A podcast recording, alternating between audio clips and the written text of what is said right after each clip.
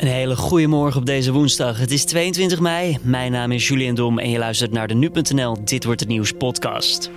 Het mosselseizoen gaat weer van start. De eerste hangmosselen die worden vandaag boven water gehaald. Al snel zal je ze ook in de supermarkt vinden. En ja, er is een subtiel smaakverschil met andere mosselen. Ja, een beetje kenner uh, zal proeven. Uh, de mosselen van, van de hangcultuur die, ja, die zijn net iets uh, ja, lichtgeeld, iets zoeter. Daarover praten we straks verder met Tilly Sint-Nicolaas van het Nederlands Mosselbureau. Eerst kort het belangrijkste nieuws van nu. De provincie Groningen is woensdagochtend opgeschrikt door een aardbeving. De beving werd gevoeld in Groningen en veel mensen op sociale media maken melding daarvan. De beving had een magnitude van 3,4 volgens het KNMI. Ook op de redactie van RTV Noord zijn honderden meldingen binnengekomen van de aardbeving. Mark Harbers is gisteravond afgetreden als staatssecretaris van Justitie en Veiligheid. De VVD'er, die verantwoordelijk was voor asielzaken, vertrekt nadat bekend werd dat zijn ministerie cijfers over criminaliteit onder asielzoekers bewust onvolledig heeft weergegeven in een rapportage. Nou, wat ik hier vaststel is dat het aanvankelijk wel overwogen is geweest om uh, dit uh, te delen, maar dat het in het vervolg van de discussie is, uh, is weggevallen. Dat, nou ja, dat is dus precies waar ik verantwoordelijkheid voor neem, waar ik ook verantwoordelijk voor was. dus dan is het informatie die we in het verleden wel gaven aan de Tweede Kamer. En door deze wijze van rapporteren niet meer. Um, en dan, ja, als dat expliciet ook een punt van discussie is geweest, dan raak je gewoon echt aan um, de, de plicht die bewindslieden hebben om de Kamer Um, al die gegevens te verstrekken, altijd die informatie te verstrekken. In het rapport werden verdenkingen van zedendelicten, moord en pogingen tot doodslag onder de noemer overig opgeschreven. Zaken als winkeldiefstal en fietsendiefstal werden wel met precieze cijfers weergegeven. De Syrische regering zou gifgas hebben gebruikt in de noordelijke provincie Idlib. Dat stelt de VS. Idlib is de laatste provincie waar Syrische rebellen die strijden tegen president Bashar al-Assad nog de controle hebben. Ondanks een wapenstilstand zou er afgelopen weekend toch gevochten zijn. De VS zegt aanwijzingen te hebben dat daarbij chloorgas is gebruikt door regeringstroepen. De Amerikanen zouden nog bezig zijn met het verzamelen van bewijs, maar er wordt gewaarschuwd dat er snel en passend gereageerd wordt als het waar blijkt te zijn. In de Eerste Kamer is vooral het CDA kritisch op de klimaatwet van GroenLinks en PvdA, die de partij als een van acht partijen in de Tweede Kamer heeft mede ondertekend. CDA-senator Joop Atsma hamerde er in het debat met acht initiatiefnemers en minister Erik Wiebes van Klimaat op dat burgers en bedrijven behoefte hebben aan voorspelbaar en helder overheidsbeleid. En die elementen mist Atsma bij de wet. Volgens Jesse Klaver van GroenLinks vormt de wet een routekaart waarop de doelen staan, zoals 49% minder CO2-uitstoot in 2030 en 95% minder in 2050. De inhoud moet komen uit het nog op te stellen klimaatakkoord. Elke vorm van seks met iemand die dat eigenlijk niet wil, wordt binnenkort strafbaar. Dat staat in een wetsvoorstel dat minister Vert Grapperhaus van Justitie en Veiligheid volgens de NOS vandaag aankondigt. Ook slachtoffers van seksuele intimidatie moeten volgens de minister beter worden beschermd. Zaken als verkrachting en aanranding zijn al strafbaar, maar het bewijs daarvoor kan lastig zijn doordat er bijvoorbeeld geen geweld is gebruikt. Grapperhaus wil nieuwe seksuele misdrijven opnemen in de wet, waarin niet dwang, maar seks tegen de wil het criterium wordt. Daardoor hoeft het Openbaar Ministerie zich niet langer te bewijzen dat het slachtoffer zich heeft verzet. Ook seksuele intimidatie, zowel online als op straat, wordt in het nieuwe wetsvoorstel strafbaar. Journalisten John van den Heuvel en Paul Vugts hebben de Pim Fortuynprijs in ontvangst genomen voor hun inzet om het vrije woord te verdedigen. Vugts en van den Heuvel werden door de jury als winnaars gekozen nadat ze doorgingen met hun werk als misdaadjournalisten, ondanks bedreigingen uit het criminele circuit. Vugts heeft tijdelijk ondergedoken gezeten naar serieuze bedreigingen, terwijl Van den Heuvel een tijd lang niet meer bij RTL Boulevard kon aanschuiven, wegens dreigementen aan zijn adres. En dan gaan we naar het gesprek van deze woensdag, een vroege start van het mosselseizoen. Het mosselseizoen start ondanks dat er nog geen R in de maan zit. De eerste oogst van de Zeelse hangcultuurmosselen wordt vandaag boven water gehaald. En zoals de naam al doet vermoeden, zijn het mosselen die hangen. De op de bodem gekweekte mosselen laten nog eventjes op zich wachten. Aan de telefoon Tilly Sint-Nicolaas van het Nederlands Mosselbureau. Hangmosselen, dat klinkt bijna alsof ze lui zijn, maar deze mosselen die groeien juist snel als ik het uh, goed heb begrepen. Ja, hangmosselen, of de mosselen die aan, uh, aan touwen gekweekt worden, die uh, hangen boven, uh, hoger in het water en daar is meer voedselaanbod, meer plankton. En daardoor zijn ze sneller rijp om geoogst te worden of uh, consumptierijp dan uh, de mosselen van de bodem. Zit er dan ook uh, ja, bijvoorbeeld smaakverschil tussen die verschillende mosselen? Ja, daar is wel wat verschil. Dat is wel een verschil wat een, ja, een beetje kenner uh, zal proeven. de mosselen van, van de hangcultuur die, ja, die zijn net iets ja, lichtgeeld, iets zoeter. En die zijn wat malser omdat ze ook vrij uh, jong zijn en snel groeien. Het verschil is best wel enorm, hè? Want het meeste komt op dit moment gewoon van de bodem af van alle mosselen.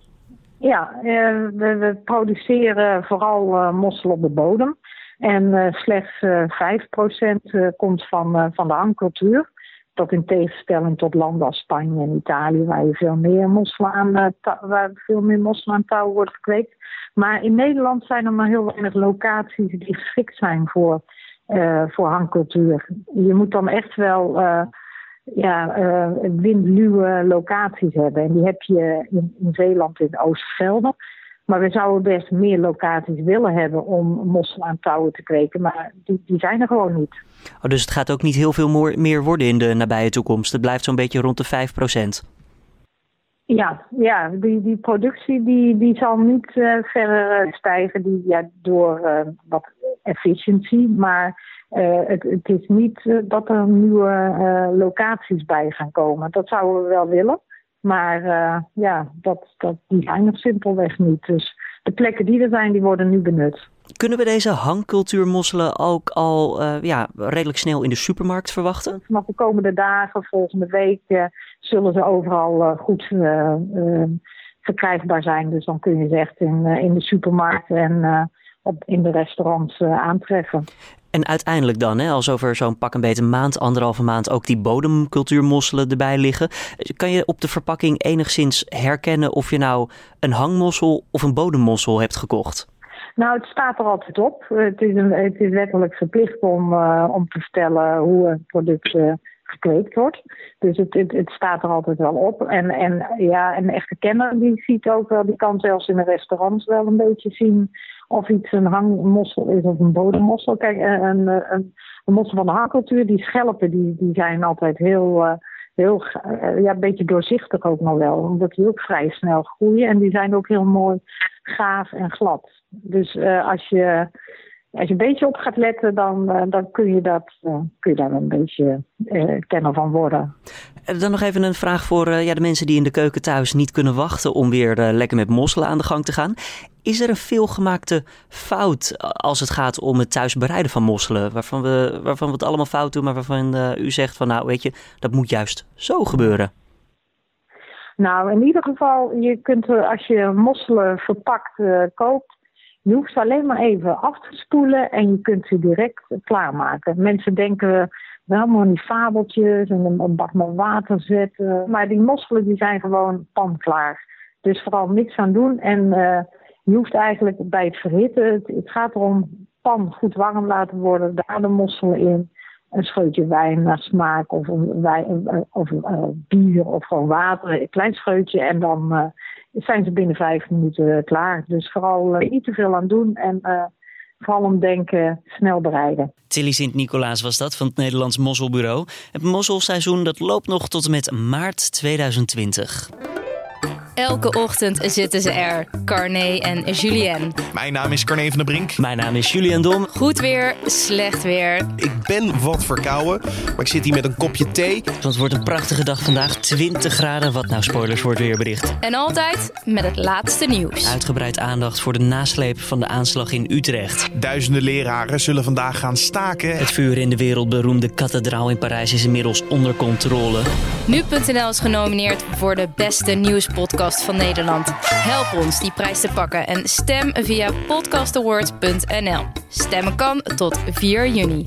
Je hoort het, we zijn genomineerd in de categorie Nieuws en Politiek bij de Dutch Podcast Awards. Help alsjeblieft door een stem uit te brengen, podcastawards.nl.